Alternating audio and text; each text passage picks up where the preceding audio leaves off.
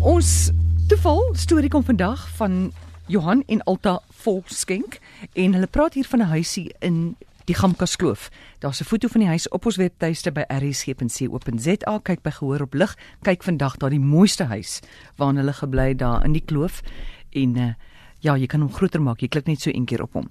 Goed, die storie gaan so. Johan sê ek was vir baie jare 'n aankoper by die Universiteit van Stellenbosch. Uit die aard van my werk het ek baie verteenwoordigers van verskeie maatskappye gesien.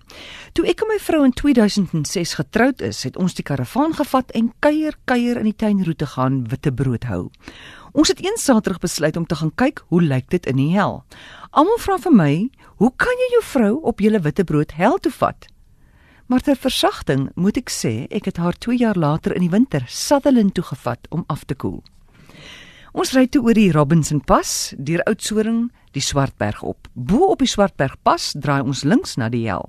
Dis 'n baie nou en slegte pad, 37 km wat jou so 2 en 'n half uur neem. In die hel kry ons toe 'n huisie, Pietjie en Hester Swanepoel se huis. Primitief, geen elektrisiteit, so dis kersse en gas. Wat 'n ondervinding. My vrou se vorige van was toevallig Swanepoel. Wie weet, miskien is hulle nog familie. Die Sondagoggend ry ons nou weer terug op die swak paadjie tot bo op die Swartberg pas en draai links in die rigting van Prins Albert. Ek het seker net so 2 km berg afgery toe my bakkie se linker agterwiel ewe skielik by ons verbyskiet. Eers hoor en hoor en toe verder en verder berg af. Omdat my bakkie magrums opgehad het, het ek gedink ek sal berg afklim en kyk of ek die wiel kan kry. 3 kwart in die berg af het ek besef ek sal die wiel nooit kry nie. Toe ek terugkyk, kyk die mense daarbo soos vuurhoutjie koppies af na my. Intussen het die verbygangers die polisie van Prins Albert gebel en gevra hulle moet kom help. Die pad is nou en die ander motors kan kwaliek verbyskuur. Nou klim ek berg op.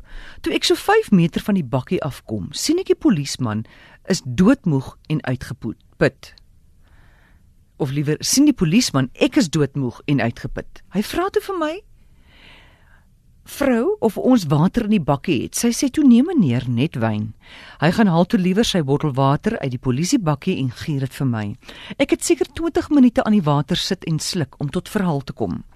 Ons ry toe Prins Albert toe met polisieman se waterbottel vir hom terug te gee. Op pad sê my vrou vir my dat 'n man en vrou op 'n motorfiets by haar gestop het en dat die man gehelp het om die spaarwiel op te sit.